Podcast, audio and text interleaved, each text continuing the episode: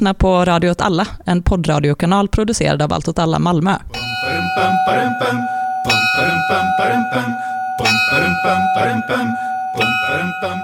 Hej och välkomna till Eld och rörelse. Det är jag Martin, med mig har jag Myran Jajamän. och Andres Brink Pinto. En av Sveriges ledande experter på upplopp. Eh, ja, det kan vi väl säga. Ja, Den här podcastens mest frekvent återkommande gäst.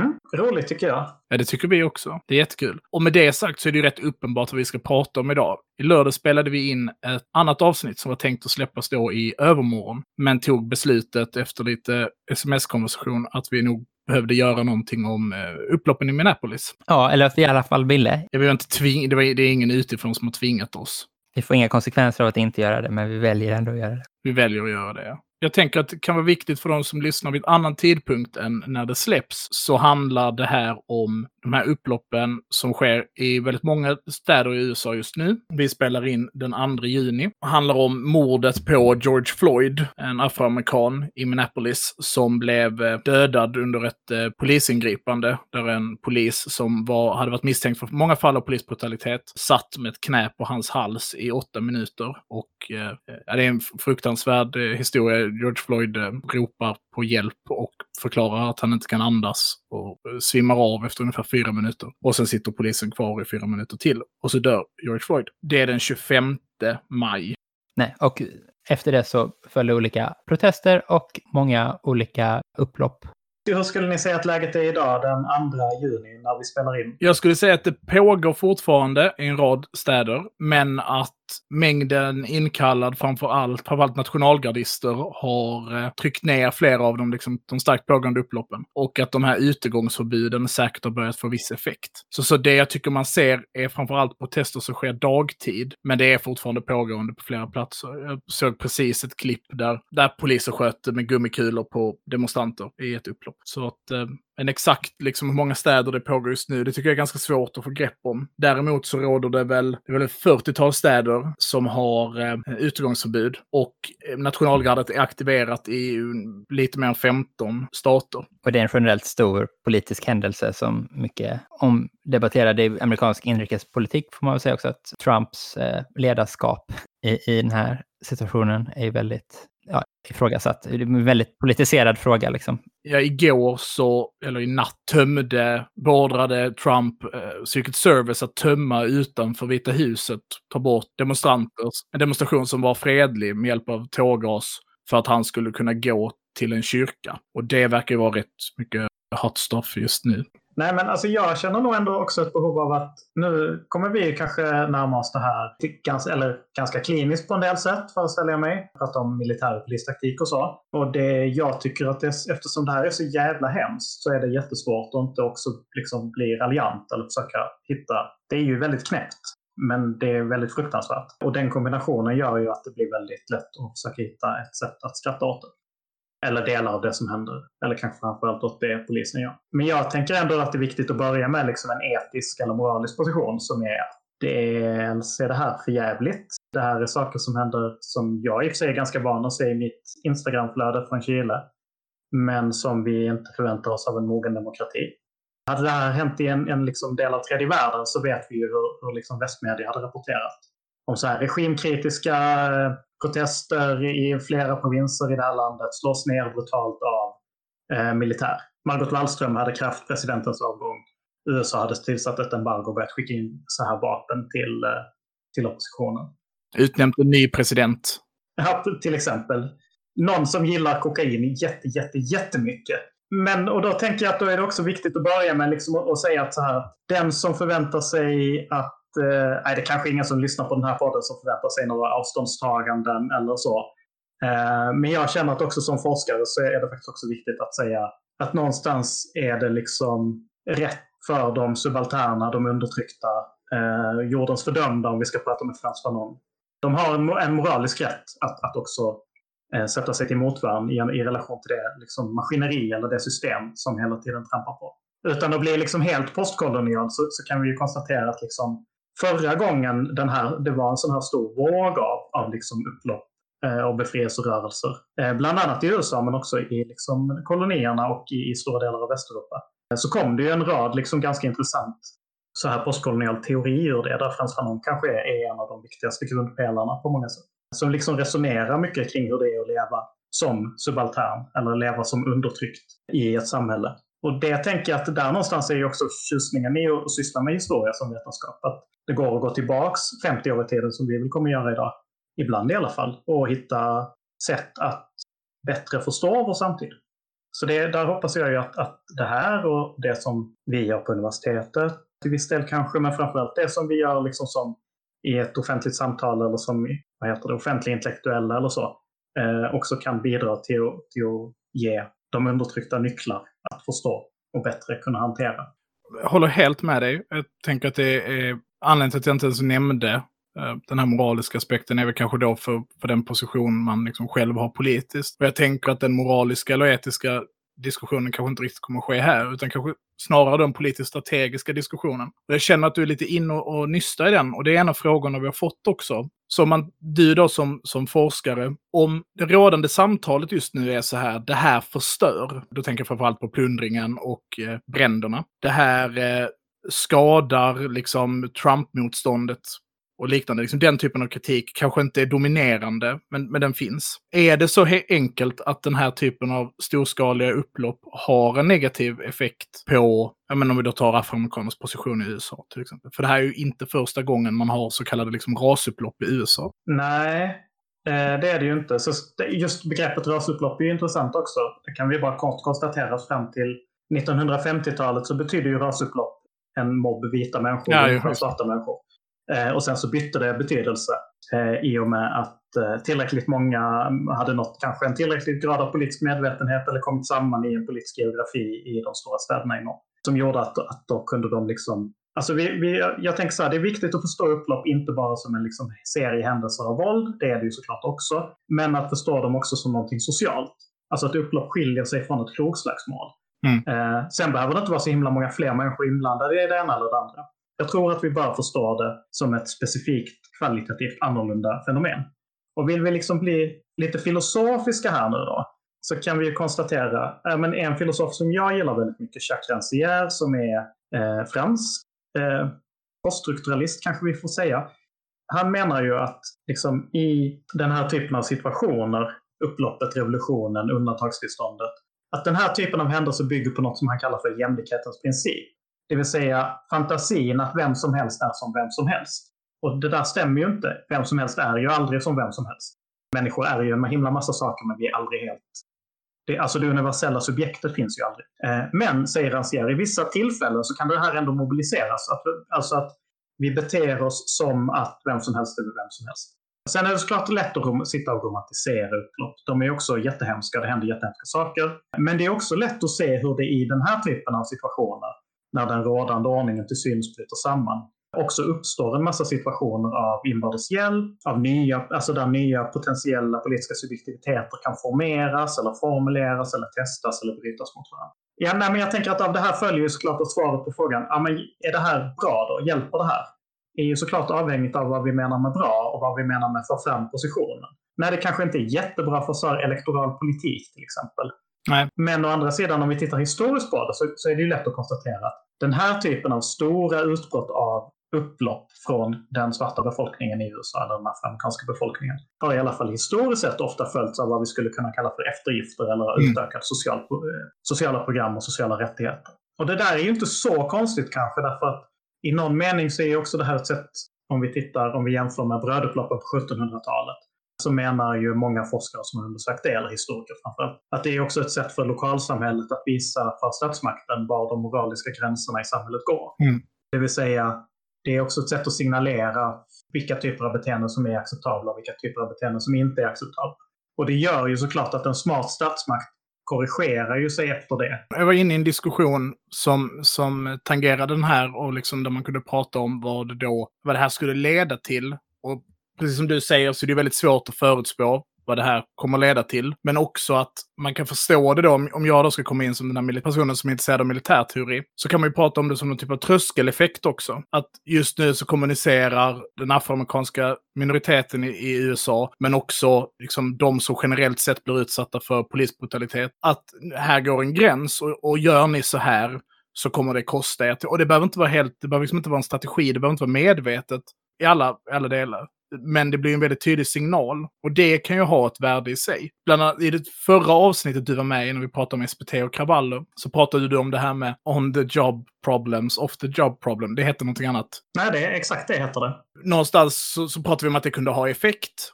Och här så ser vi ju, det, ser vi ju båda. Till exempel nu kan vi ju se hur, jag såg bland annat att en, en polis som i Miami hade knuffat omkull någon, han fick sparken. Film, 20 minuter senare, sparkad. Att en polis knuffar omkull någon för tre veckor sedan, det hade ju liksom inte genererat eh, ens en reprimand. Så att det är uppenbart så, så tvingas delstaterna i det här fallet på något sätt börja liksom eh, möta den här ilskan. Jag vill bara fråga, apropå det du sa, eh, om att vem som helst är vem som helst, vad det betyder. Att det betyder alltså att man är allmänt solidarisk med alla människor man möter, liksom, för att man behöver inte bry sig om vem de är? Eller vad, vad, vad... Nej, men det, är, det är kanske mer... Ja, men Rancière har exemplet hur han som fransk student eh, på 60-talet gick i en stor demonstration som hade parollen Vi är alla algerier. Han är ju inte algerier.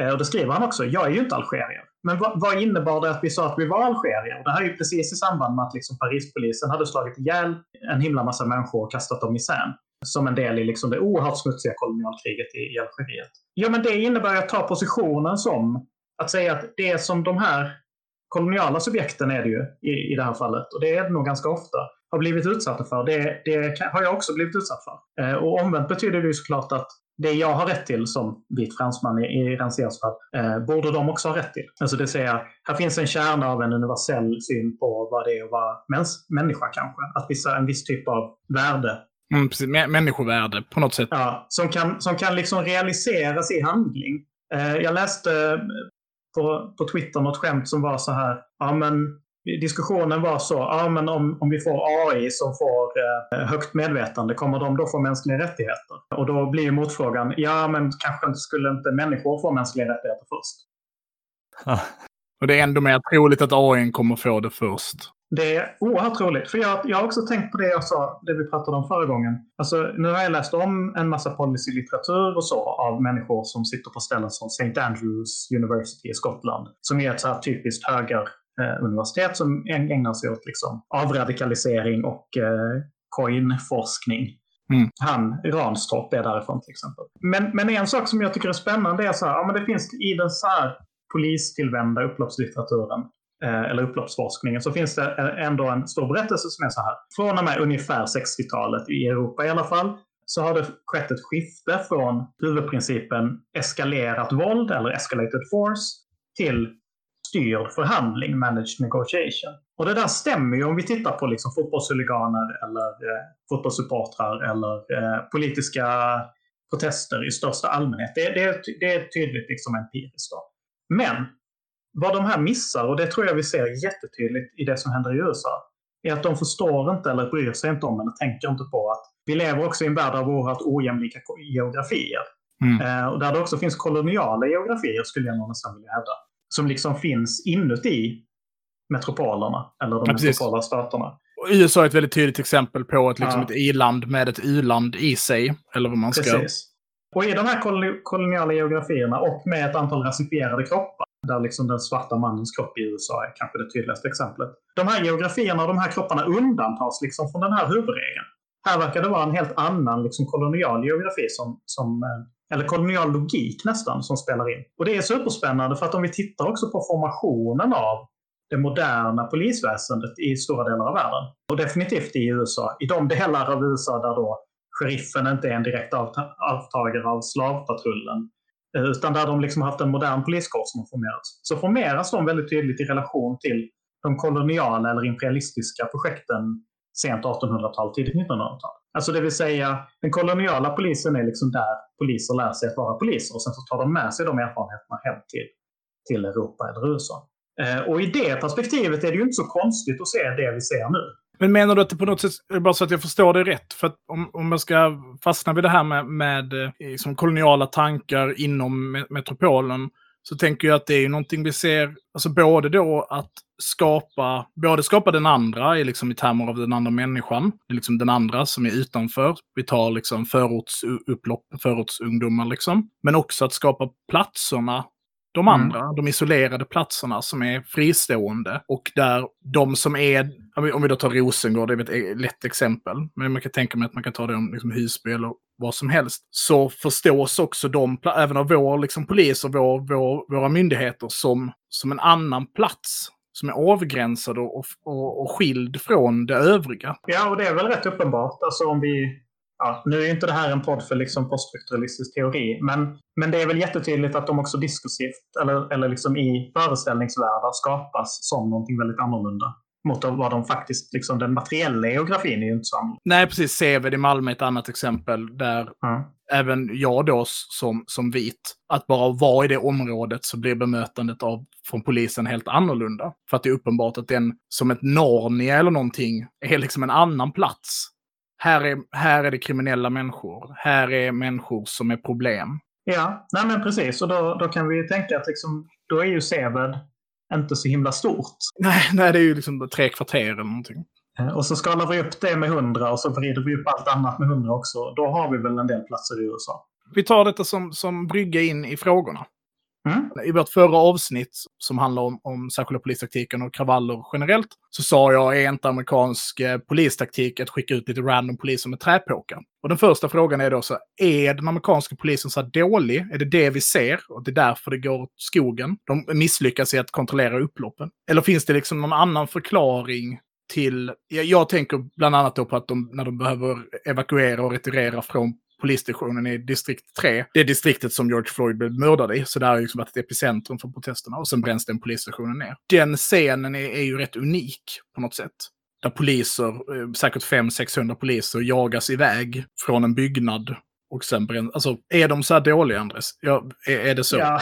ja, det är ju en jättesvår fråga att svara på. Alltså, för att så här, det finns ju ganska mycket exempel alltså, kring så här toppmötesprotester och protester mot eh, olika, alltså av de stora politiska partiernas konvent och så. Mellan kanske 2000 och 2015 eller där. Och så Occupy och, och hela den svängen. Där förefaller ju den amerikanska polisen vara ganska, eller så här ska jag säga, poliskårer i USA. Vissa av dem förefaller ju ha en ganska hög grad av professionalitet kring det här. Mm. Eh, Alltså vara ganska bra på att kunna trycka på av våld, och kunna reglera stadsrummet och kunna styra hur människor rör sig. och Så, här. så att det finns nog fickor av poliskårer som faktiskt är bra på att hantera, eller bättre i alla fall på att hantera den här typen av protester. Men, men jag tror att liksom det som spelar in, eh, och jag har också inför det här avsnittet har jag läst eh, en rapport eh, av Her Majesty's Chief Inspectorate of the Constabulary. Alltså det vill säga motsvarande typ Rikspolisstyrelsen i Sverige, fast i, i England. Med mycket bättre namn. Ja, de har ju bättre namn. Där de gjorde, 2009 gjorde en stor utvärdering av toppmötesprotester framför allt. Och var så här, ja men vi har misslyckats ett antal gånger, det blir problem, folk blir skadade, det ser dåligt ut, vi får kritik. Hur ska vi göra? Då gjorde de en utvärdering. Då konstaterade de så här, ja men vi har 44 poliskårer i, i England. Eller kanske till och med i Storbritannien. Och då ska man ju veta att i USA vet de inte riktigt hur många poliskårer de har. Jag har, har försökt leta lite efter det här Mm. och jag har sett siffror mellan så här 12 och 18 000 kanske.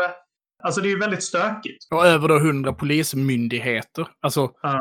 lyder under helt egna chefer och fungerar med en eh, avgränsat arbetsområde som skiljer sig mellan dem helt. Liksom postpolisen till exempel, det är väl min favoritpolis. Ja, precis. Och då, då pekar den här brittiska utvärderingen på ja, men till exempel ja, det finns olika sätt att träna.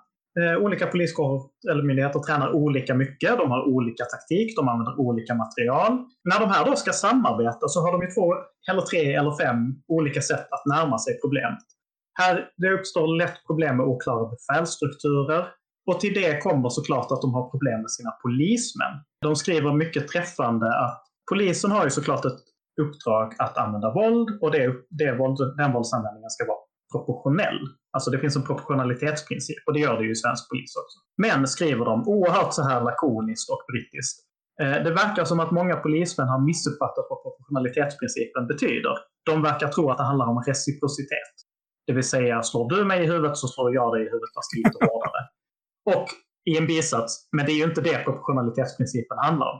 Eh, och det är ju klart att liksom, och då är ju ändå den brittiska polisen som, som kår, eller som grupp, är ju kända för att ha, alltså dels i deras så här DNA ligger ju inte att de är stridspoliser. tänker jag. Där är ju Robert Peel och den civila polisen och polisen som en del av lokalsamhället och Bobbys eh, med lustiga hattar och de har inte ens pistoler och så här. Och då kan vi ju tänka oss att de här ganska dåligt reglerade, dåligt tränade, dåligt utbildade poliserna i USA, som dessutom har ganska kast betalt. Eh, så det är liksom inget elitskikt i, i, i arbetarklassen eller så, som det historiskt sett har varit i Sverige till exempel. Det är klart att lägger vi då på liksom så här en jävligt risig maskulinitet, som många av dem verkar dela, liksom 300 år av rasideologi, som har präglat hela samhället och som antagligen präglar de här kårerna ganska mycket. Då har vi en ganska giftig cocktail. Så det korta svaret är väl ja, men det verkar väl som att de är så här jävla kassor. Mm. Men alltså det svaret är ju bara avhängigt om vi tror att deras mål är att bekämpa, alltså att, att förebygga upplopp. Det kan ju också vara så att de fyller en helt annan funktion liksom på en större samhällelig nivå. Både då att de har de här olika myndigheterna och att de skiljer sig helt åt och sen delstaterna och, och liksom kommunernas, eller man ska säga poliskårer också själva ansvarar för vilken grad av träning polisen ska ha och vad som krävs för att bli polis. Så kan det vara värt att säga att rätt många ställen så är det alltså en 24 veckors utbildning att bli polis. Eh, och under den tiden så är det ju i princip bara fokus på skjuta pistol och köra bil. Och, och närkamp till viss del. Precis som du säger så är ju liksom rent utbildningsmässigt. Och, och här tror jag det andra problemet kommer in i att den bristande utbildningen kompenserar man ofta genom att rekrytera material som redan, alltså rekrytera humankapital som redan har eh, genomgått utbildning i till exempel orderstruktur. Genom att ta folk som har tjänstgjort. Och uppmana poliser att tjänstgöra. Man till exempel kan få tjänstledigt för att eh, gå in i militären och så. Och så tänker man att liksom den utbildningen på något sätt ska kompensera att man inte själv kanske har blivit så väl drillad vad gäller ja, hantera väldigt stressfulla situationer. Och det är ju ett i ledet av den här militariserade amerikanska polisen. Som både då kommer i form av kultur, liksom, så, som vi pratade om tidigare, genom den här utbildningen. Men också genom att man direkt ger polisen överskottsmaterial från militären. Det är liksom, och det, det, var till och med så att Obama försökte liksom dra ner det, alltså mängden överskottsmaterial polisen fick av, av militären för att polisen höll på att bli för militariserad. Ja. Mm. Ja, men jag tycker också det, det är slående att liksom de flesta polismyndigheter i USA verkar ju ha en SWAT-avdelning. I alla fall de som är lite större. Mm. Men, men jag tycker det, det, är så himla slående att, att en så stor stad som Minneapolis inte verkar ha någon specialiserad upploppspolis. Men det är ju jättekonstigt. Eh, och, och jag, nu har jag ändå försökt tänka och jag kan inte komma på att det liksom skulle finnas, eller ens på delstatlig nivå, att det skulle finnas något som motsvarar de här specialutbildade de som kör runt, ja men som vad är det, CRS i, i, mm. Frankrike till exempel. Eller Corpo de Intervención i, i, i Portugal eller så här.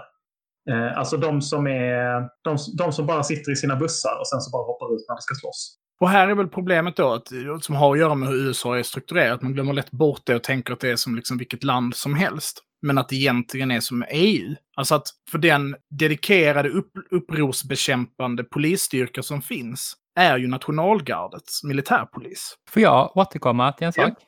Igen här, dyka in på någonting du sa. Du lät ju lite det hänga i luften vad, vad det här andra syftet skulle vara med polisen. Är det bara en konspiration, konspiratorisk antydning eller?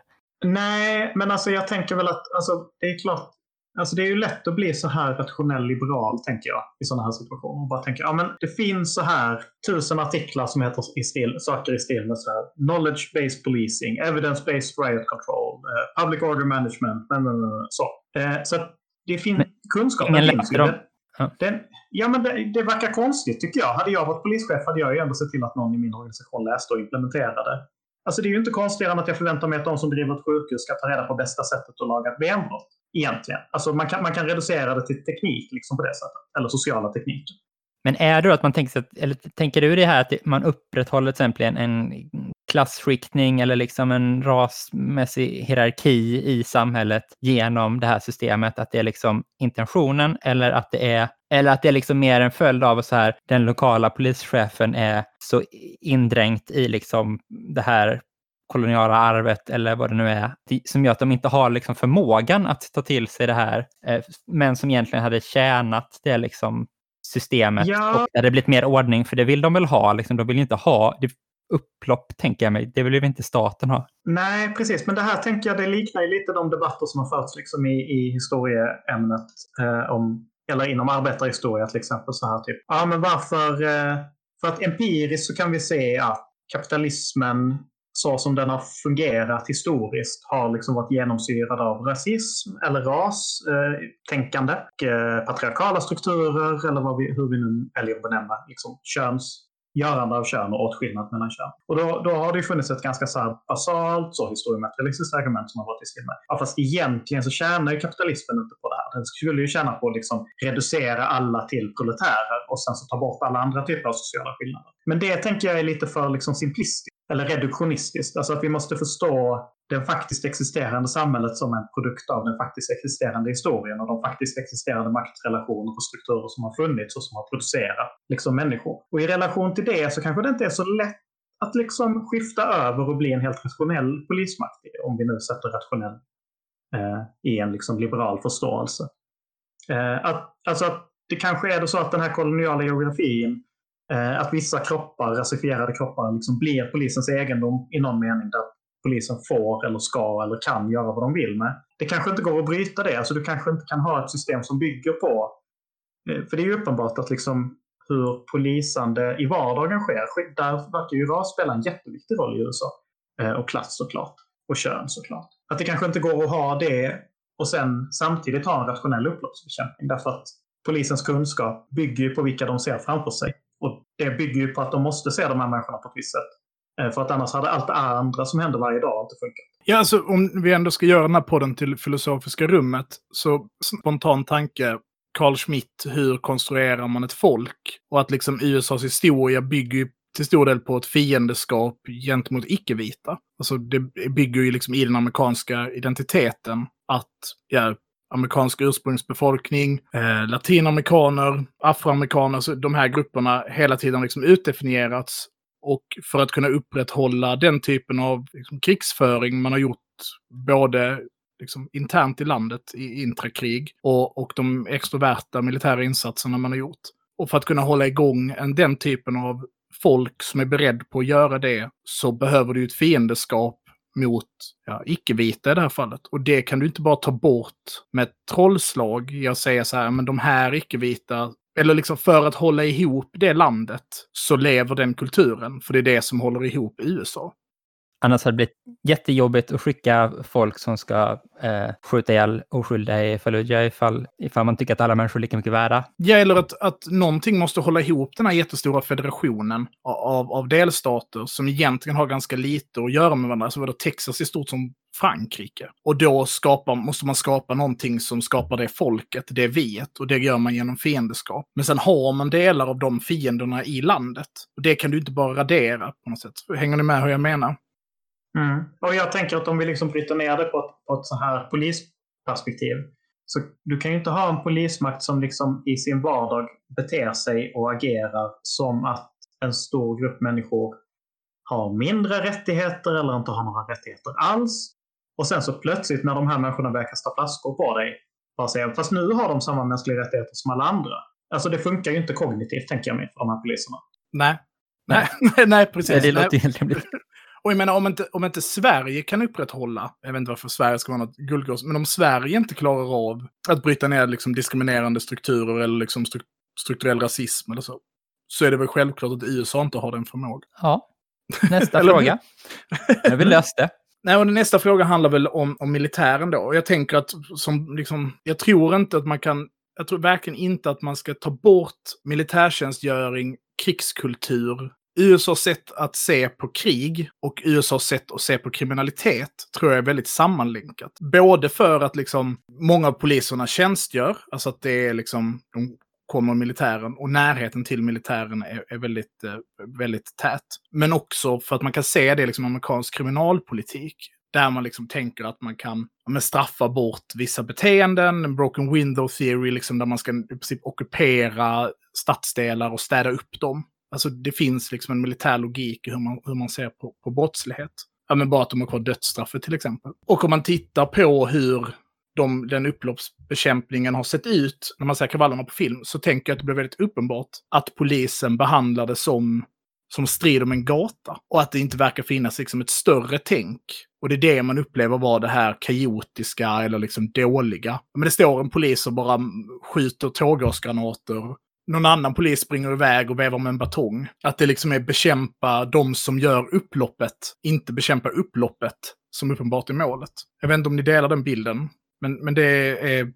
Ja, nej men ska vi gå över på nationalgardet? För att eh, nu är de ju inkallade, det har de ju varit förr också. Ja, ett gäng gånger. Och eh, de, eh, nu är det väl runt 17 000 nationalgardister som är aktiva just nu. Det är för att man har en del nationalgardister som är aktiva i, eh, kopplat till covid-19. Och sen har man förstärkt upp gränsen mot Mexiko sedan tidigare också. Och de har man också använt nationalgardet. Så just nu är det lika många soldater i aktiv tjänst i USA som det är i Irak, Syrien och Afghanistan tillsammans. Vilket är en spännande Men vad är då nationalgardet? Och vad betyder det att de mobiliserar? Alltså är det en folk som är anställda som soldater. Och... Mm. Nationalgardet är, egentligen kan man väl säga att nationalgardet är USAs ursprungliga armé. För att det skapades egentligen, den strukturen av nationalgardet skapades som ett sätt att organisera upp de här lokala miliserna kopplade till amerikanska revolutionen. Och i, liksom, fram till första världskriget så hade USA i princip ingen reguljär armé, utan det bestod bara av liksom delstatsmilisförband. Så till exempel i, i kriget med Mexiko så var, utgjorde liksom miliserna den absoluta majoriteten av de amerikanska trupperna om man ska ta den här historien, då vet jag inte. Men man kan väl säga att en av, en av anledningarna till att man, man eh, strukturerade upp nationalgardet handlar om, om de här stora strejkerna som sveper fram i slutet av 1800-talet, och början av 1900-talet i USA. Och då helt enkelt delstaterna börjar bli oroliga för att, det kan, att de inte skulle kunna vinna militära konflikter med, eh, med strejkande gruvarbetare till exempel. Och idag då så är nationalgardet en eh, arméreserv kan man säga. Så den har två delar. Den ena är armén och den andra är flygvapnet. Och då är de liksom reserverna åt dem. Varje delstat har ett egen, liksom, en egen enhet av nationalgardet. Så det innebär att det finns 50 plus eh, Puerto Rico och det som är alltså District of Columbia, alltså Washington, har en egen nationalgardesenhet. Och majoriteten av nationalgardets soldaterna är liksom deltidssoldater, ganska mycket som typ vårt hemvärn är strukturerat. Mm. Och hur hade vi känt om någon satte in hemvärnet för att ja, sätta sig på halva Malmö till exempel eller så? Ja, nej, precis. Det hade, inte, det hade inte funkat så bra. Det som är väl grejen med de här är då att en sak som är spännande med det är väl att presidenten kan aktivera nationalgardet och tvinga det på delstaterna på grund av en, av en, eh, en lag som heter Act 1807. Eller så kan delstaterna själva aktivera nationalgardet och då blir liksom guvernören för delstaten befälhavare. Och som jag förstår det så är det guvernörerna som har gjort det i de här fallen. Och Trump har varit ute och hotat om att aktivera, alltså försöka tvinga det på delstaterna. Visst, Myran? Ja, jag tänker också att han har hotat om att sätta in andra delar av militären än bara nationalgardet. Ja, det är ju en annan grej att han också har, att blir det mycket militärgrejer här, men... Det var det som var frågan och inte så konstigt. Ja, 82 Airborne Divisions Immediate Response Force, alltså fallskärmsjägare. Det är samma grupp, de är en Immediate Response Force. Vi pratar om dem i avsnittet som handlar om eh, när eh, USA dödar Quads Forces befälhavare i Irak. För det, det, är samma grupp som flyttas och ska skydda amerikanska ambassaden i Bagdad. Den roterade hem precis. Och nu verkar den vara mobiliserad och det verkar vara den Trump syftar på att han ska sätta in. Och det är alltså inte militärpoliser eller så, utan det är ju liksom fallskärmsjägare. Det känns ju också väldigt mycket, eller det känns helt, det är ju en galen liksom utveckling på något sätt. Alltså, inte för att något av det här är sansat innan, men att det är liksom så, det hade inte en annan president börjat hota med. Jag har namnet på en president som ja. har gjort det faktiskt. Skulle också. Ja, okay. Just eh, fallskärmsjägare också va? Är det inte ja, så? exakt. 182 och 101. Mm. Det var ett tag sedan dock. Eh, det är 50 år sedan ungefär. 1967 så sattes de här två divisionerna på fallskärmsjägare in eh, i Detroit. Och sköt ihjäl eh, ett gäng personer. Nja, jag tror de sköt en, vilket i sammanhanget var ganska lite. Ja, okay. Eh, var det inte fler? Jag trodde att de sköt så fyra stycken vid någon eh, brott mot utegångsförbudet. Men det kan vara jag som rör ihop. Uh, jag, jag har precis läst uh, Kerner-kommissionens rapport som kom året efter, som var liksom tillsatt. Det här är inte en vänsteristprodukt kan man säga, utan det är guvernören i Illinois som är ordförande och vice ordförande var borgmästaren i New York. Och sen ett gäng senatorer. Så det här är liksom ett stabilt uh, gäng etablissemangspolitiker. Som har gjort en jättestor utredning som jag tror faktiskt har svaret på många av de frågor som folk ställer sig idag. Mm. Låt Eh, att höra. Det är, det är orimligt mycket som är samma. Men, men liksom i Detroit, eh, 67 var en väldigt het sommar. Eh, både Newark och Detroit hade jättestora upplopp eh, med ett antal, alltså tiotals dödade. Detroit eh, började ganska likt faktiskt eh, det som vi har sett nu, alltså ett polisingripande, Eh, en man som förs till polisstationen som dör till följd av våld på polisstationen så att han blir väl misshandlad till döds eller eh, ett slag som tar olyckligt. Eller, det är lite oklart. Och sen utbryter det stora upplopp. Och Detroit är ju då centrum för liksom svart militans. 67 är ju viktigt att, att notera också. Att i, på bilfabrikerna så växer det fram en oerhört liksom militant svart. Låt oss kalla det kommunism. Eh, för det är väl i princip det det är. Och då först sätter polisen in och polisen har ett jättedåligt rykte. De har jättedåliga relationer. Eh, de eh, är snabba på att skjuta hagelgevär på folk. Dödar ett antal människor. Det börjar gå rykten om att det ligger krypskyttar på taken och besvarar elden. Det är lite oklart hur utbrett det här var. Och sen kallas nationalgardet in. Och de behandlar ju Detroit som, ah, kanske inte riktigt som Fallujah, men definitivt som en stridszon. Och upprättar vägspärrar, kör runt. Hör de någon typ av smäll så besvarar de elden med eh, både liksom automatkarbiner och kulsprutor. Skjuter rakt in mot bostadshus och så här. Ganska vanligt verkar ha varit att en grupp nationalgardister börjar skjuta i en del av ett kvarter. Och då hör en annan grupp en bit längre bort och tror att de blir beskjutna och så börjar de skjuta. Så att flera av de skadade och någon av de avlidna nationalgardisterna är helt enkelt sådana som har blivit träffade i, i korseld av sina egna eh, trupper. Eh, och det här eskalerar ju liksom till en nivå där, där presidenten, eh, nu vill jag säga Lyndon B Johnson, sätter in, tvingar guvernören att ta emot de här två divisionerna fallskärmsjägare. Och intressant nog, i alla fall som det framstår i rapporten, så menar då den ena divisionens befälhavare att så här, ja, men jag har, det här är också trupper som är, eh, vad heter det, eh, veteraner, eller de, de är nyss hemroterade från Vietnam. Så att de, har, de, är, de har stridserfarenhet. Men, menar den här befälhavaren, de har också erfarenhet av att lyda order. Eh, och han ger order att det är på patron ur. Eh, det vill säga att de, de ska inte ha laddade eh, vapen när de patrullerar. Och sätter igång ett sånt här Hearts and Minds-program där, fallskärmsjägare symboliskt städar upp vissa gator och, och hjälper gamla tanter över gatan och så här. Och det intressanta är också att i de områden där fallskärmsjägarna har tagit kontrollen, där är det väldigt få incidenter. Medan i de områden där nationalgardisterna är kvar, där fortsätter det här våldet liksom, tills det ebbar ut. Så att här finns ju också en, tänker jag, en... Nu är det ju inte sagt att 82 fortfarande har den här graden av professionalitet. Men, men att, och det är inte heller sagt att orderstrukturen uppifrån handlar om att nu ska ni gå in och kontrollera det här upploppet. Eh, Det är ju mycket möjligt att signaler kommer från den nuvarande presidenten som mer handlar om att gå in och statuera exempel eller visa upp makt eller så. Men att det, verkar ju som att de som är närmare då var yrkessoldater eller har, det är ju någon typ av elitförband. Ja, det är ett elitförband. Det får man absolut säga. Med hög status liksom också internt. Att de liksom kan kosta på sig att inte besvara provokationer med eldgivning. Eh, eller också att de har disciplinen att faktiskt inte göra det. Spännande nog då korsar ju detta en annat ämne som jag är ganska intresserad av, alltså Vietnamkriget. Och nationalgardet utgjordes ju väldigt stor del av vita, till skillnad från aktiva, aktivt tjänstgörande i Vietnam, där svarta var överrepresenterade. De var inte, absolut inte i majoritet, men, men de var överrepresenterade. Så det kan man ju också tänka sig spela roll i vilken typ av personer det var som tjänstgjorde i de respektive förbanden. Men också såklart deras förmåga att hantera stress, till exempel. Eller vad de är rädda för. Kan man ju tänka sig att det skiljer sig lite mellan de som kommer hem från vietnamesiska höglandet och de som kommer från eh, nationalgardesbaserna utanför Detroit. Ja, Så nu har vi pratat upp eh, 82 här och eh, så hoppas vi att de lever upp till det här förtroendet. Ja, annars brukar, tycker jag att fallskärmsjägare inte har ett skitbra track record angående att hantera upplopp. Nej. Tänker jag ju på Irland. Det är ju ett annat, ett, annat land förvisso. ska vi gå vidare?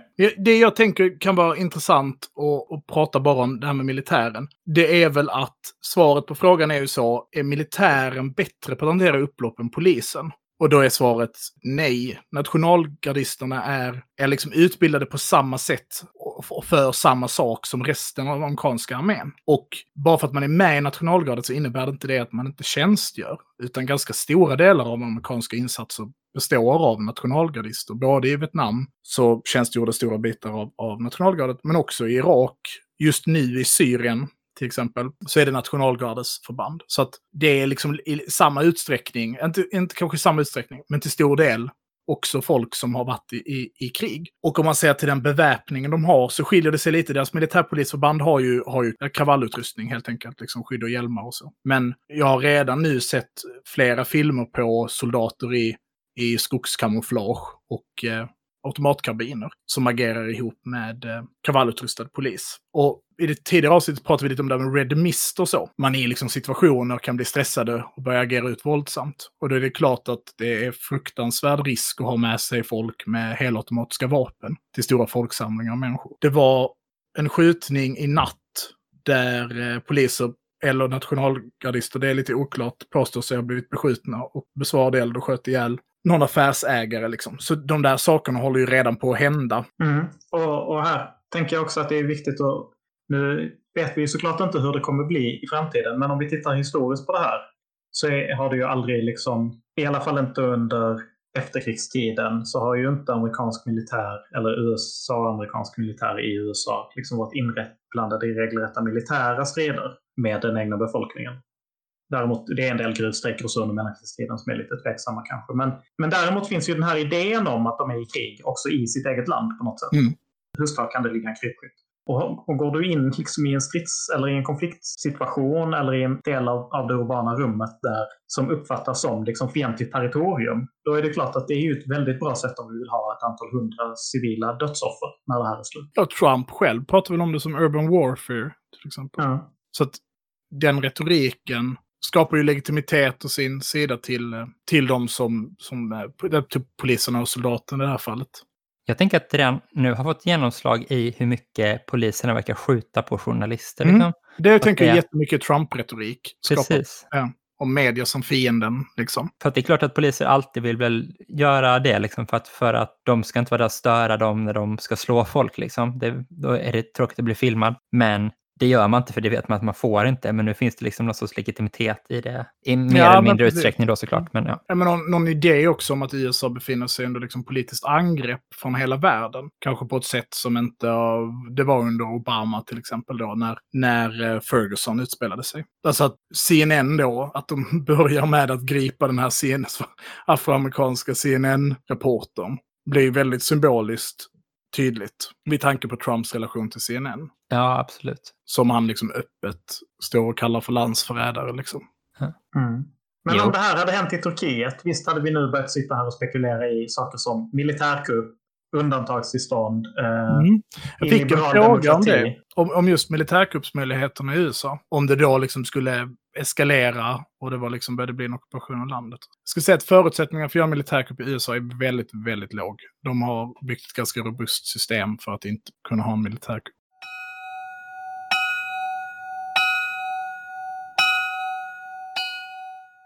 Ja, men vi kan ta den frågan om det här med narrativen lite.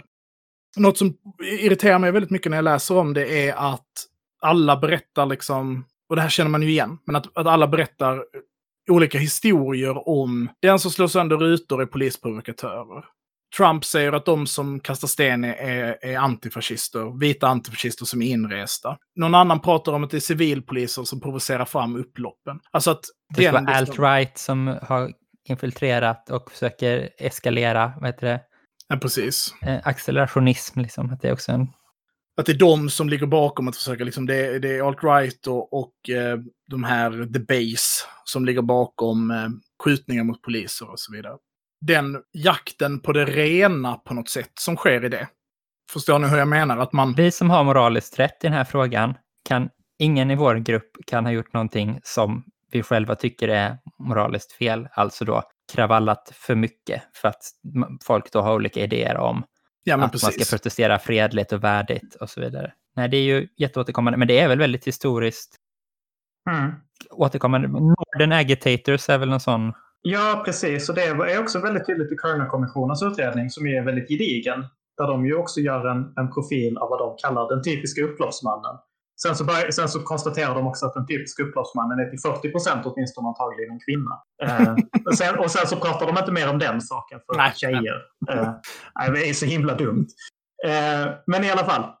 Men de gör, de gör en ganska djuplöjd, så, så här gående sociologisk studie, vilket ju är väldigt 60-tal, av liksom vilka som blir gripna. Mm. Och sen så gör de dessutom kvalitativa djupintervjuer med människor som själva säger att de har varit med i upploppen men inte blivit gripna. och konstaterar att nej, här finns en tydlig överrepresentation av människor som är födda och uppväxta i områdena. De förefaller ha något högre utbildning än genomsnittet för sin ålder, men ha en lägre klassposition än vad den här utbildningen skulle motsvara. De, Hör och häpna. de på 60-talet som är afroamerikaner uttrycker en proportionellt sett större stolthet över sin ras, som de skriver i Kerner-kommissionen. Alltså att det här är ju Black Power-militanter Mm, mm. som de beskriver. De, de är mer fientligt inställda mot USA som stat, de är fient, mer fientligt inställda till polisen, de är fientligt inställda till vad de uppfattar som, som eh, liksom en vit rasstruktur som förtrycker dem. Däremot konstaterar kommissionen så finns det väldigt få tecken som tyder på att det här skulle vara, att det här skulle vara ett inresande som kommer utifrån, att det här skulle vara någon särskilt liksom vad heter det, KGB utländska, eller- så, KGB eller, eller Kinas kommunistparti eller så. Som skulle, för att de, de säger, verkar inte ha den kapaciteten, vilket ju kanske inte är så himla förvånande. Alltså Kina 67 inte hade kapaciteten att fixa rasupplopp i Detroit. Nej, men kanske inte KGB heller faktiskt. Och det där tänker jag, ja, och det där går ju igen väldigt tydligt i alla upplopp jag har läst om och också de jag har studerat själv. Alltså att om vi tittar på de stora upploppen i London 2011 eller banlieue-upploppen i Frankrike eller eh, ja, men Husbykravallerna eller kravallerna i Rosengård. Ja, men det är klart att det finns den här tråpen hela tiden av ja, men det här är utifrån kommande agitatorer eller folk som bara är ute efter att ställa till med bråk. De här människorna vill egentligen inte ha det här. Nej, precis. De är bara här för, för antingen för the fun Ja. of the fight eller för något mer liksom ondskefullt Ja, precis. eh, längre mål. Eller kriminalitet. Precis. Och allt det där, alltså, det är klart att det, om vi verkligen anstränger oss så går det ju att hitta det. Men, men jag menar, det är ju också en djupt rasistisk liksom, idévärld eller föreställning. Att så här, ja men skulle de människorna som bor där, bara för att de är samhällets förtryckta, liksom, skulle de inte ha kapacitet att agera kollektivt eller att tänka politiskt på sin verklighet? Alltså att någonstans tänker jag att E.P. Thompsons eh, så här argument om de brittiska brödupploppen på 1700-talet är ju giltigt här också. Vi måste förstå de här händelserna utifrån de här människornas egen föreställningsvärld. Hur de här människorna som deltar tänker, känner och uppfattar världen. Och bara anstränger vi oss bara pyttelite för att göra det, till exempel genom att prata med någon eller verkligen lyssna på vad de säger, då är det ju inte jättesvårt att förstå heller. Nej, men det jag menar med att alla de här berättelserna kan vara sanna är ju för att ingen av de här områdena, precis som alla områden, är ju homogena. Utan det är klart att alla de här liksom, individerna eller eh, agensen i de olika grupperna kan verka parallellt. En ganska stor grej som tidigt kom ut var ju den här vita mannen som slog sönder Autozone, tror jag affären heter, eh, Det är i Minneapolis. Det är någon typ av demonstration och helt plötsligt så kommer det en lång vit man med gasmask, ordentlig svart vindtygsjacka, snurrad runt gasmasken, para, svart paraply ovanför huvudet med en hammare och bara går och slår sönder fem, sex rutor tills de som demonstrerar frågar vem fan är du? Vad fan håller du på med? Stick härifrån. Och direkt så börjar det cirkulera, han är polis, någon identifierar honom på Twitter på ett ganska vagt sätt och liksom, ja men det här är någons ex, jada jada, så här, inte belagt på riktigt liksom. Och så när jag ser det så tänker jag bara, men den där, en, en sån där individ känner ju jag. Alltså, som inte är polis, utan åker till den här demonstrationen och tänker, nu jävlar ska vi slåss med polisen. Nu ska de få betala för det här övergreppet de har gjort. Nu måste vi sätta igång det här. Den här affären är en del av en eh, liksom, kapitalismen eller eh, äganderätten och nu ska den liksom så. Medans berättelsen då hela tiden blir Äh, visst, som du säger, att utifrån sett att det är liksom rasismen berättar att äh, de här människorna i det här området kan inte vilja någonting och göra det ihop. Men även i, om man ser till exempel vilka medier intervjuar efter decemberupploppen i Rosengård, så bygger ju mycket det på att man intervjuar män i 55-årsåldern som säger de som ställer till bråk bor inte här. Som om de visste det. Ja, ja nej, jag vet inte, jag... Men sen, det är såklart också att den, de här liksom idéerna om vad man får göra och inte får göra och eh, vem som pratar för rörelsen och så, vilka, vilka liksom beteenden man måste internt polisa liksom, det tas ju också upp. Och jag såg bara någon video när, när liksom någon gubbe, typ vit gubbe, bryter gatsten och då blir liksom överfallen av andra demonstranter och släpad till en poliskedja och liksom överlämnad till polisen, vilket ju är ganska speciellt i en demonstration mot polisvåld. Liksom att det, Mm. Jag har ju mer och mer börjat fundera på liksom, om rörelse och liksom social rörelseteori verkligen är det bästa sättet att förstå upplopp på. Alltså att rörelser ibland såklart kan göra upplopp. Och ibland är det uppenbart att vissa typer av upplopp tillhör en rörelse. Medan i det här tänker jag ju kanske snarare fallet där, det här är ju kanske min vän och kollega Johan Pris argument också. Att, liksom att vi kanske snarare ska se upplopp som platser där rörelser kan födas. Alltså att upplopp blir någon slags transitpunkter där en massa olika grupper kommer samman som någon slags liksom, amalgam. Typ. Och där en massa olika erfarenheter artikuleras och det är där det görs gemensamma erfarenheter och ur det kan det sen växa fram rörelser. Men att vi inte kan tänka... Alltså jag tror inte att vi ska tänka på upploppet som ett liksom kort vi kan spela Precis som vi kan spela, liksom, den här rörelsen kan spela strejkkortet, men då spelar den här rörelsen upploppskortet. Eller så. Eh, utan att det är mycket mer, just upplopp tror jag och folkmassor är mycket mer dynamiska.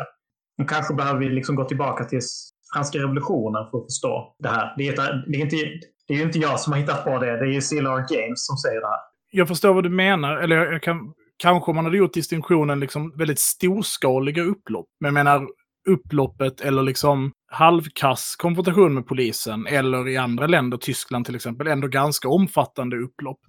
Är ändå någonting vissa rörelser kan producera. Ja, ja, G20 i Hamburg till exempel. Ja, och med den här då moraliska gränsen. Ja, men om staden Hamburg gör det här, då får ni ett upplopp.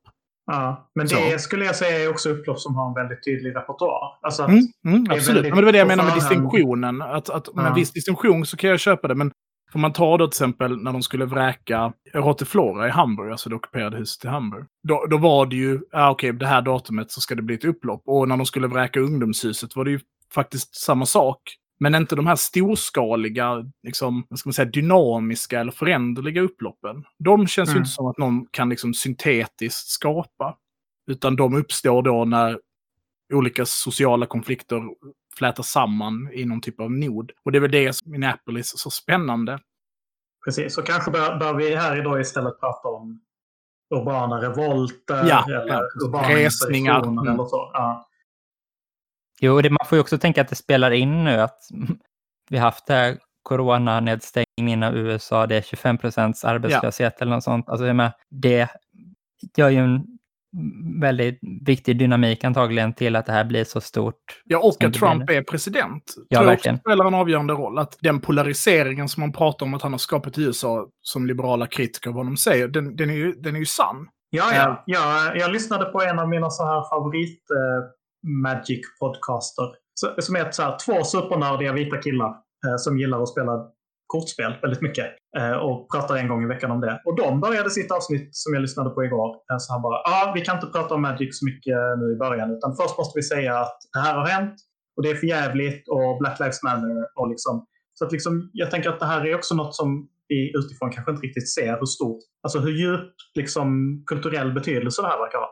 Men det är ju också någonting som har det har väl växt fram, alltså för man då tar Ferguson som exempel, eller liksom förra stora Black Lives Matters-rörelsen. För varje sån här incident så blir det ju svårare och svårare att alltså, gå på lögnen. Det var bara en olycka, det finns ingen struktur i det här. Precis, och nu händer det igen, och så händer det igen, och så händer det igen.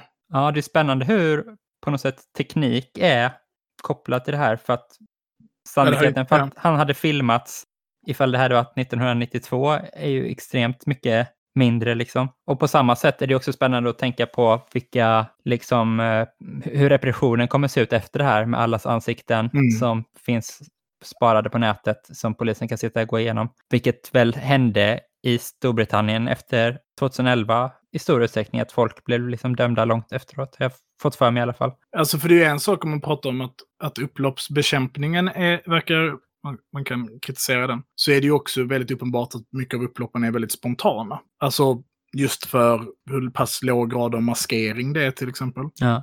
Nej, absolut. Det, och det känns ju tragiskt att det är många som kommer få äta det sen. Men om vi tänker... Det är också någonting som, som hade den här internetdiskussionen lite, någon som sa att efter Detroit 67 så knäckte det liksom den rörelsen. Den här svarta militansen du pratade om där Andres, med att man blev så hårt, eh, mötte så hård repression och sen så tyckte man inte man vann inte så mycket som rörelse på det efteråt liksom. Och att det skapade mycket bitterhet och liksom uppgivenhet inför ja, att det hade skett och att man hade varit pådrivande i de här upploppen. Är det någonting du har läst om? Eh, nej, inte sådär eh, särskilt mycket faktiskt. Eh, jag har ju alltid tänkt att den rörelsen mycket också slutade finnas för att de stora bilfabrikerna slutade finnas. Alltså att det är någonstans fordismens sammanbrott som också sam... Ja, man berättar väl alltid en historia på sig själv om varför, Ja. varför man som rörelse förlorade och då är det väl nära till hands också att tänka sig att det är Mm. Men, men alltså det är ju inte svårt att titta ut liksom, i det förflutna och se exempel på där, där väldigt skarp liksom, statlig repression knäcker sociala rörelser. Nej. Eh, alltså repression funkar ju. Och, och nästan alltid, historiskt sett. Ända tills den dagen när det inte funkar. Nej, precis. Det, det är väl därför Men- man har själv som en politisk linje att det är rätt att göra uppror, liksom att det är en slogan man ändå håller på trots alla förluster. Ja, alltså jag är väldigt dålig på att göra uppror. Jo, men du tycker att det är rätt väldigt mycket? Ja, ja, precis. Jo. Jag bara lever inte så mycket efter den devisen. Nej, nej. I vårt förra avsnitt om upplopp så pratade vi om Joshua Clover och den här, eh, liksom, du nämnde att liksom, man kan tänka att upploppen kommer ta strejkens roll till exempel som ska säga, socialt konfliktmedel. Mm. Är det något vi skulle kunna tänka på den här situationen? Är liksom, hade det här varit en generalstrejk för, för 50 år sedan? Ja, det är ju jättesvårt att säga. Nej, det hade det ju inte. För 50 år sedan hade det ju varit exakt som det är nu. Mm. För det var det ju för 50 år sedan. Precis. Och det är väl liksom, det är, det är ju såklart en svaghet kanske i Clovers resonemang också. Att han inte riktigt tar ras på allvar kan jag känna i den boken. Det är ju en ganska kort och populärt hållen bok så det kanske är ett, ett hårt, en hård kritik att hålla mot honom.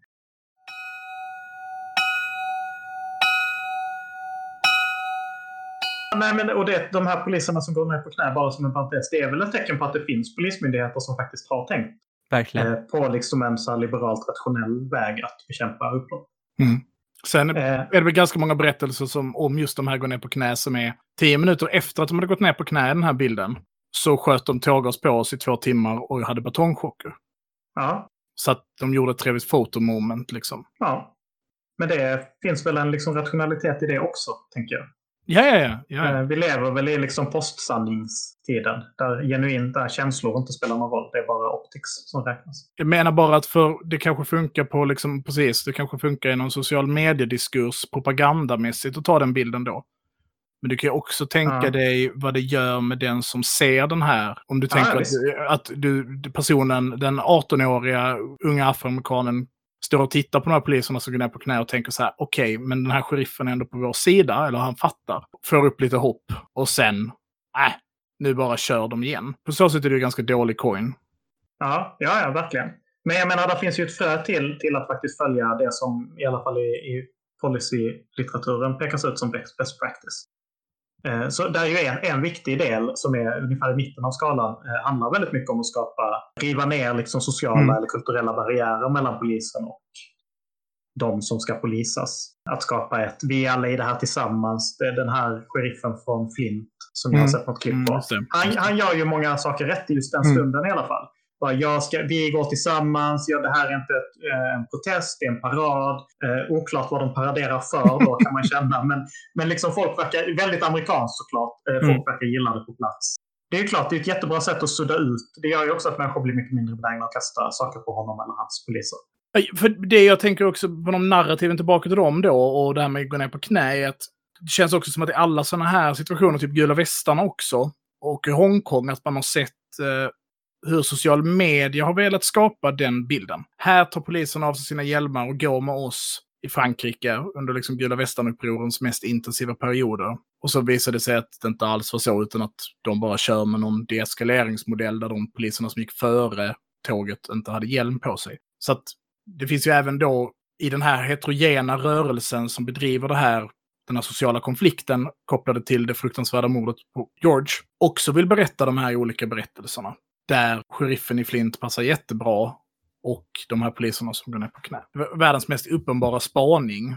Men, men bara att, tror att om man tänker hela upproret eller upploppen just nu som vänsterradikalt så tror jag att man har missuppfattat det i ganska stor utsträckning. Utan att det finns, det är tusen olika politiska tendenser som samverkar. Ja, det är väl ganska uppenbart. Och samtidigt så tänker jag att det är också, det är också lätt att liksom hitta narrativ som är så här, men det här är kravlösa upplopp eller det är helt spontana upplopp eller det här är människor som bara vill bråka för bråkandets skull eller så, som vi har varit inne på. Och det är också viktigt, tänker jag, hela tiden sätta fokus på att det här är ju några av de alltså, händelser som har tydligast krav, skulle jag vilja hävda. Alltså, och väldigt, ja. väldigt grundläggande så. Sluta döda oss. Mycket mer enkelt, tydligt krav än det är ju svårt att ha. Ah, fred och bröd kanske. Ja, men precis. Okej, okay. fred och bröd. Ja, fast jag skulle säga också bara sluta kväva oss till döds när ni griper oss. Ah. Det kostar inte så mycket. Det kostar i princip ingenting alls. Så att jag tänker att liksom, om vi tittar på det som historiskt sett har beskrivits som det här är tydliga politiska rörelser som vill, eller det här är grogrunden för politiska rörelser, eller det här är händelser som måste förstås liksom politiskt rationellt utifrån den här ganska basala uppsättningen politiska krav. Då bör ju kanske de här händelserna också räknas in i det. Eh, sen är det såklart skillnaden att här finns det inte ett stort socialdemokratiskt parti till exempel som kan leda, kanalisera, skapa eller skruva upp och skruva ner kanske i någon mening också. Hade, för det är ju en annan fråga, då, om det här då skulle kunna eskalera. Om, vi, om, vi, om du tar av dig historikerhatten och så försöker vi förutspå lite hur det här kommer att utveckla sig eller vilka liksom möjliga vägar som finns. Då lyfts ju bland annat ledarlösheten upp som ett problem. Den här rörelsen har ingen ledare. Det, den här, det är ingen som leder det här. Därför så kan det inte uppnå X.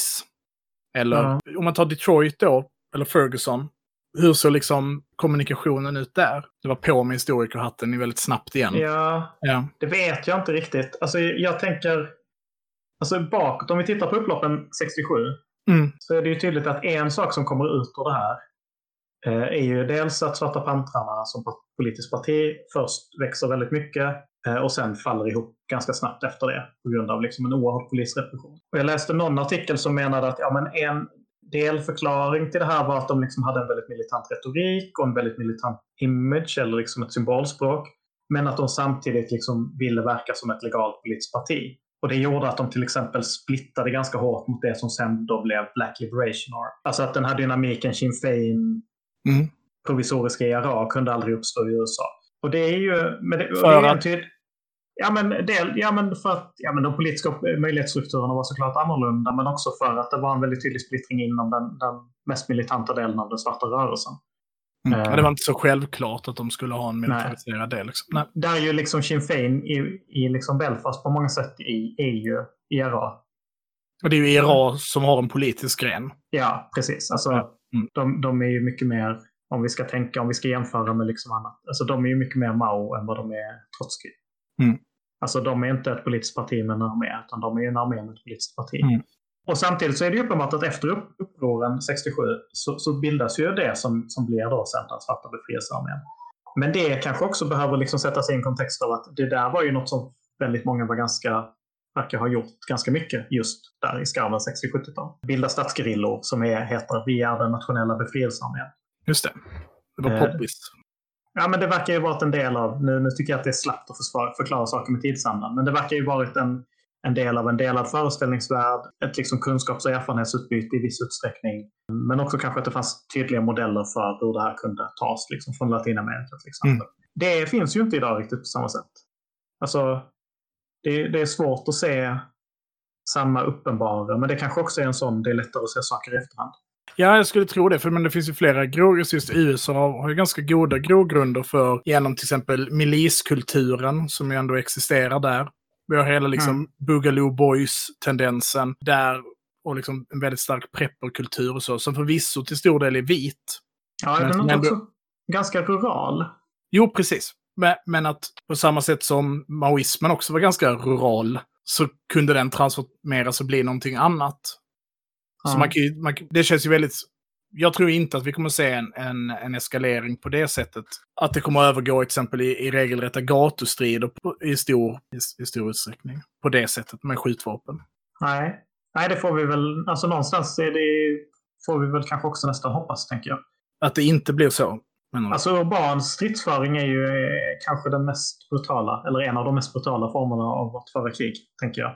Ja, samtidigt är strid och bebyggelse en av de mer demokratiska sätten att kriga på. Men det känns som en, en väldigt märklig diskussion.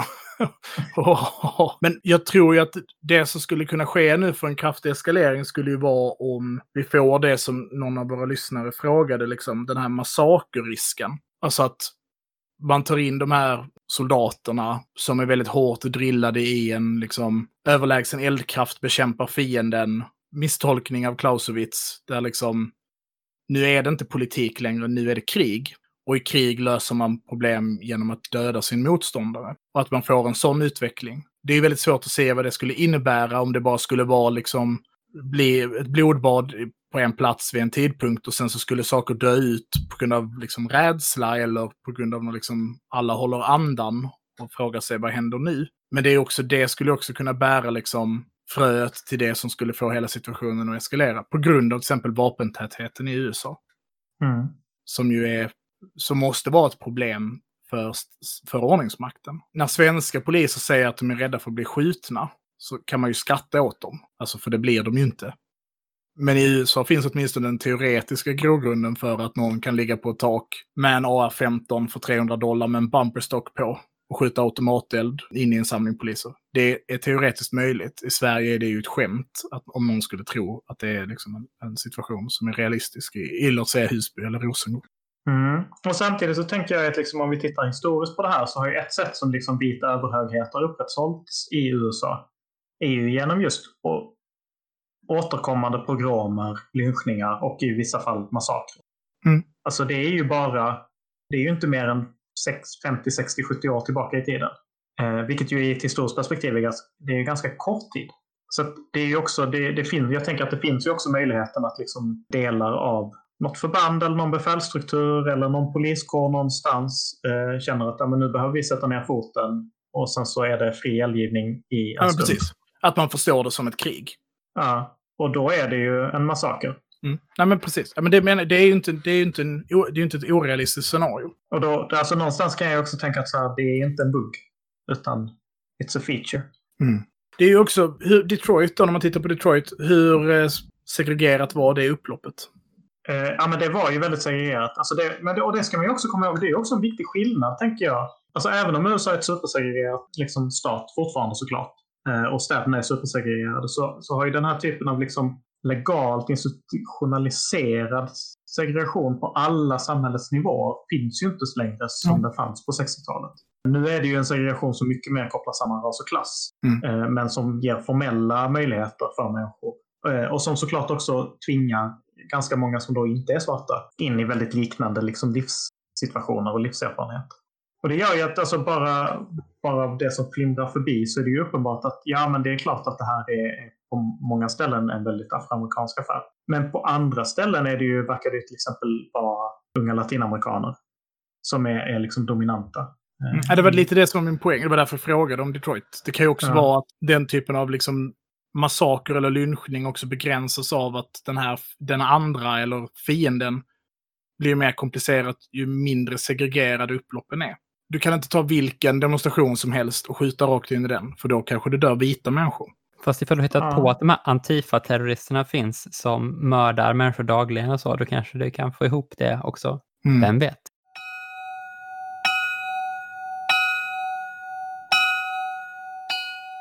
Innan vi avslutar, du har ju en fempunktslista på best practice. Kan inte du eh, dra den för oss? Jo, så här, om jag hade varit utbildningsansvarig i en polismyndighet, då tror jag, och så hade jag fått uppgiften att liksom skapa poliser som var bra på att bekämpa upplopp. Här borde vi haft en jingel. Det här borde det här varit ett jingel. Ja, precis. Det, det här hade kostat 40 till 100 000 eh, på faktura för en polismyndighet. Då hade jag sagt så här, ja men det finns fem principer. Det här kommer från Reicher et al. Som är några av de här kompetenta men eh, ja, liberalerna. För det första, vi måste utbilda poliskåren. Eh, de måste förstå att, att folksmassor är, är, komplexa. De består av många olika människor som har reella behov och eh, grievances. Alltså att de har saker som de vill få protestera mot. Eh, det vill säga, det är inte en enhetlig ande. För det andra, kommunikation. Polisen måste kunna kommunicera sina intentioner. Om de tänker skala upp eller ingripa med någonting så måste de förvarna. Det måste hela tiden vara tydligt och förutsägbart vad polisen ska göra. Eh, facilitering, alltså polisen ska underlätta legitima former av protest. Göra det så lätt som möjligt för människor alltså, att protestera och därigenom skapa en delad norm för hur protester ska gå, gå till som inte innefattar upplopp. Det vill säga få folkmassor att polisa sig själva. Punkt 4. Differentiering. Den största faran för polisen, säger de här, är att behandla alla deltagare i en, i en folksamling som att de är likadana och att de är potentiellt farliga. Polisens handlingar måste vara subtila nog för att kunna differentiera mellan grupper och individer i eh, folkmassan. Och slutligen, use of force. Och här behöver jag kanske nästan citera direkt. The police should avoid discriminate use of force. Alltså att polisen ska undvika våldsanvändning som drabbar brett och urskiljningslöst. Och om vi då tar det här. Här har vi då fem enkla punkter. Eh, det här är best practice. Det här är liksom nyliberal polisteori. New public management för poliser. Hur många av de här punkterna skulle vi säga att polismakterna i USA förefaller uppvisa? Det är verkligen som, som du sa innan, att det är som att de har tittat på den här listan och så har de tänkt, det här är en lista på hur man inte ska göra. Ja, och givet det så tänker jag att då ska vi inte vara så himla förvånade att de också får en himla massa himla allvarliga upplopp på halsen. Nej, och frågan blir, är det för att de är dumma i huvudet och inte förstår det här? Eller har det med liksom hur deras samhälle är organiserat som gör att de inte kan införliva till exempel vetenskap på det sättet? Att befolkningen hellre vill ha liksom moraliska värden istället för vetenskap. Då går det bättre hem och slå folk med poker. Eller är det för att man av politiska skäl vill ha stora upplopp som man kan koda med ras? Det kan ni fundera på, kära lyssnare. Och så säger vi tack för idag. Tack, tack. Tack för att jag fick vara med. Ja, tack så jättemycket. Bum,